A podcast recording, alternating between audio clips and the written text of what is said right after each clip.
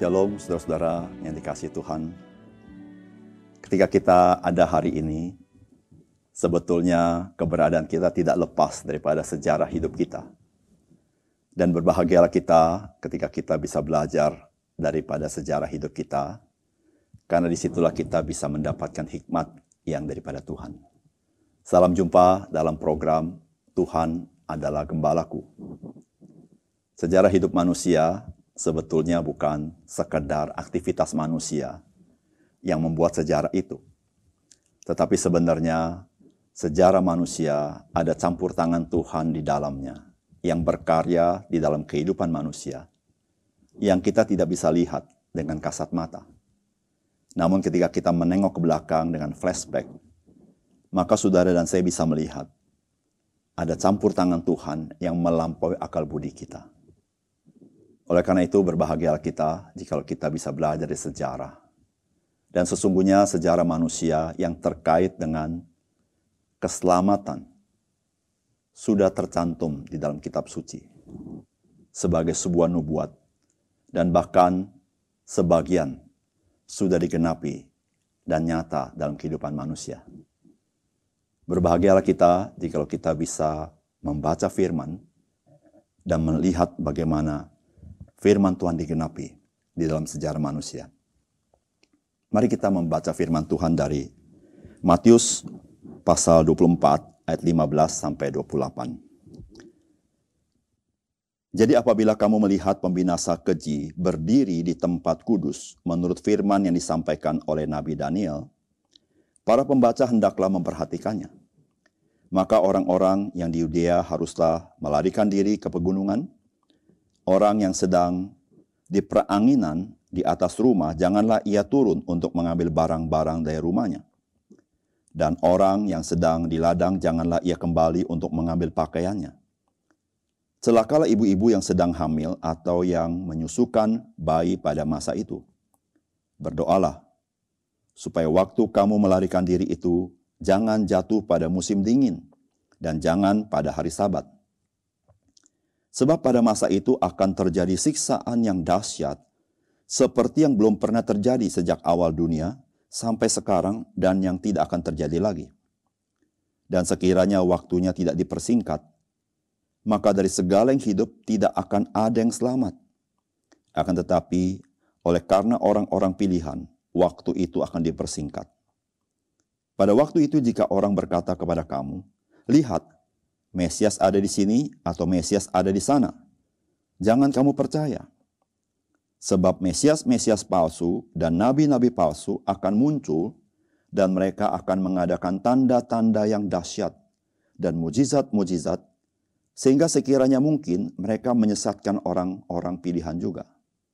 Camkanlah, aku sudah mengatakannya terlebih dahulu kepadamu.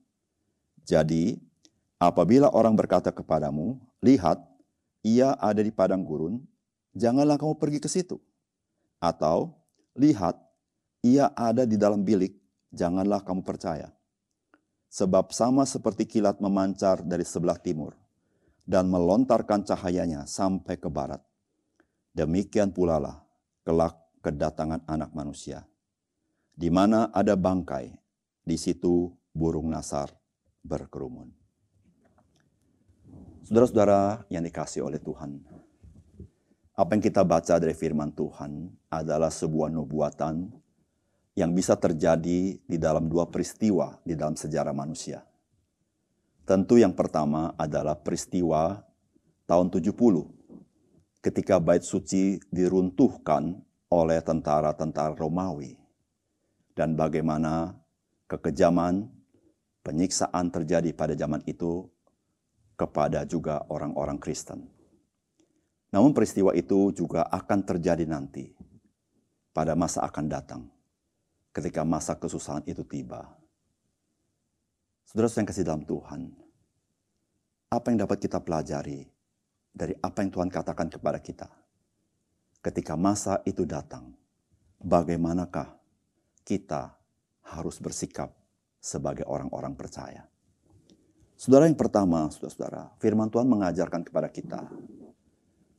Hendaklah orang-orang percaya selalu bijaksana di dalam menghadapi masa-masa sulit dan masa-masa penderitaan itu.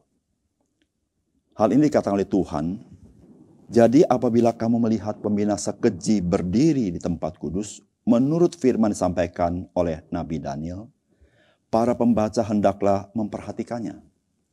Maka orang-orang di Yudea haruslah melarikan diri ke pegunungan. Orang yang sedang di peranginan di atas rumah, janganlah ia turun untuk mengambil barang-barang dari rumahnya dan orang yang sedang di ladang, janganlah ia kembali untuk mengambil pakaiannya. Berdoalah, supaya waktu kamu melarikan diri itu, jangan jatuh pada musim dingin, dan jangan pada hari sabat. Saudara, ini adalah nasihat Tuhan Yesus. Orang percaya dapat mengalami penderitaan, dapat mengalami aniaya. Namun Tuhan tidak mengajarkan kita orang percaya mencari penderitaan atau mencari penyiksaan. Tetapi Tuhan mengajarkan kepada kita, jikalau mungkin kita bisa menghindari penderitaan itu, jikalau mungkin kita bisa lari dari penyiksaan itu, marilah kita lari.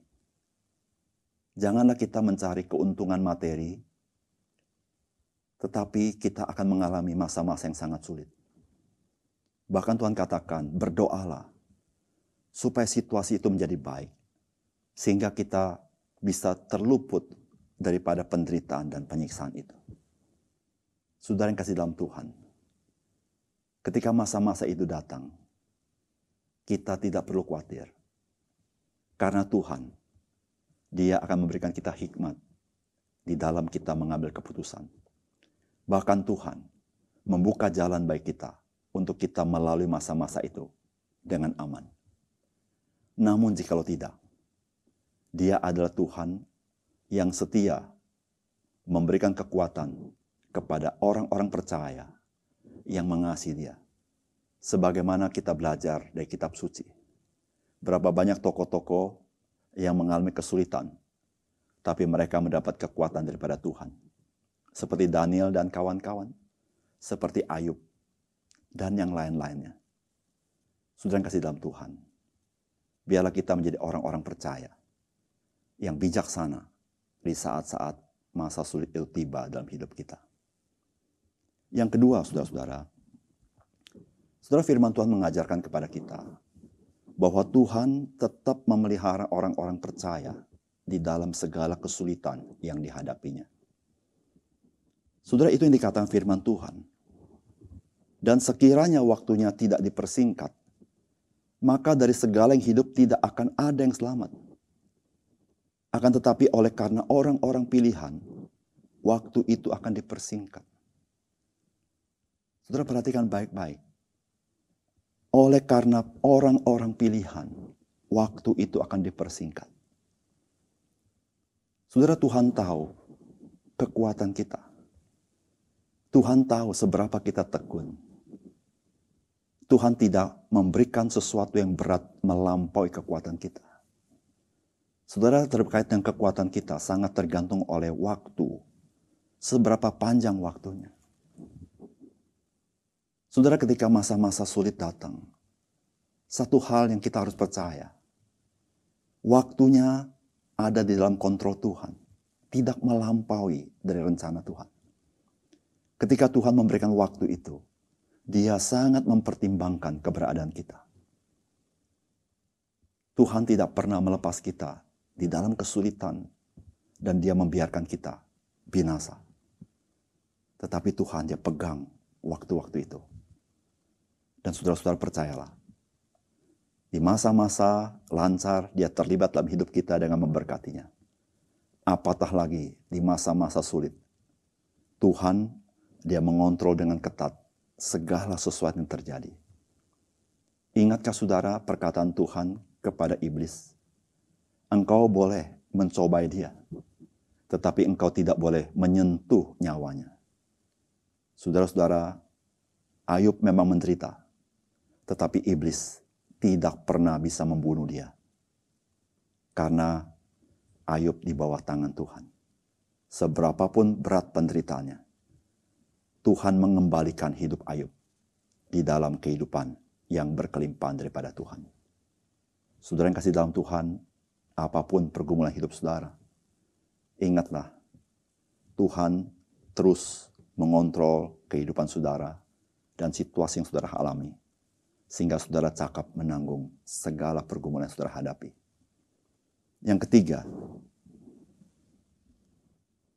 Tuhan mengajarkan kepada kita, kita bukan saja menghadapi penderitaan, tantangan, siksaan, penganiayaan. Tetapi saudara-saudara, Tuhan juga tahu ada ajaran-ajaran sesat yang terus berusaha untuk menyesatkan orang-orang percaya. Itu yang Tuhan katakan di dalam firman-Nya. Sebab Mesias-Mesias palsu dan nabi-nabi palsu akan muncul. Dan mereka akan mengadakan tanda-tanda yang dahsyat dan mujizat-mujizat. Sehingga sekiranya mungkin mereka menyesatkan orang-orang pilihan juga. Lalu Tuhan katakan, camkanlah aku sudah mengatakannya terlebih dahulu kepadamu. Saudara, ajaran sesat bukan sekedar sebuah ajaran. Supaya ajaran itu menjadi menarik, maka disertai dengan mujizat-mujizat supranatural yang membuat mata kita terbelalak dan kita terpesona. Dan umumnya manusia lebih percaya kepada mujizat daripada ajaran yang sehat. Saudara yang kasih dalam Tuhan, Tuhan Yesus sudah berkata beberapa kali terkait dengan ajaran sesat yang disertai dengan keajaiban. Oleh karena itu Tuhan berkata, camkanlah aku sudah mengatakannya terlebih dahulu kepada kamu. Oleh karena itu saudara-saudara, zaman ini zaman akhir. Sebagaimana zaman-zaman dahulu telah muncul penyesat-penyesat yang berusaha menyesatkan orang-orang percaya. Dan di zaman akhir, penyesatan semakin hari semakin meningkat. Ketika orang percaya tidak mengenal sungguh-sungguh akan kebenaran firman Tuhan. Orang-orang percaya seperti ini adalah makanan yang gampang untuk disesatkan. Ingatlah firman Tuhan berkata bahwa iblis itu sedang mengaum-ngaum seperti singa yang siap menangkap mangsanya. Oleh karena itu, saudara-saudara, Mari kita menjadi orang-orang percaya yang berpegang kepada firman Tuhan, yang merenungkan firman Tuhan, yang mengenal kebenaran firman Tuhan, dan tidak terkecoh oleh hal-hal yang supranatural yang bukan berdasarkan firman Tuhan. Kiranya Tuhan menolong kita menjadi orang Kristen bijaksana di tengah-tengah hidup yang tidak mudah hari ini. Mari kita berdoa. Bapa kami surga, terima kasih untuk kebenaran firman Tuhan. Biarlah firman-Mu sekali lagi menolong kami, supaya kami menjadi orang-orang percaya yang bijaksana ketika menghadapi penderitaan. Menjadi orang-orang percaya yang bijaksana bagaimana menghadapi ajaran-ajaran sesat. Ya Tuhan tolong kami. Sehingga kami selalu ya Tuhan di dalam hikmat dan pertolongan Tuhan. Menghadapi semuanya itu. Dan kami tahu Tuhan tidak ada satupun di dunia ini yang di luar kontrol Tuhan. Dan khususnya masa-masa sulit. Tuhanlah yang mengatur semua dengan baik. Supaya kami orang percaya. Tidak larut menjadi lemah dan tawar hati. Tapi kami tetap berpaut kepada Engkau. Tuhan kami hari ini kami serahkan kepada Tuhan saat kami menghadapi segala perkara. Ajar kami berpaut kepada Engkau supaya kami menjadi orang bijaksana di dalam menghadapi hidup kami. Supaya kami tidak jatuh tetapi kami semakin kuat dalam hidup kami. Terima kasih untuk campur tangan dalam hidup kami. Terima kasih untuk firman-Mu Tuhan. Dalam nama Tuhan Yesus kami berdoa. Amin.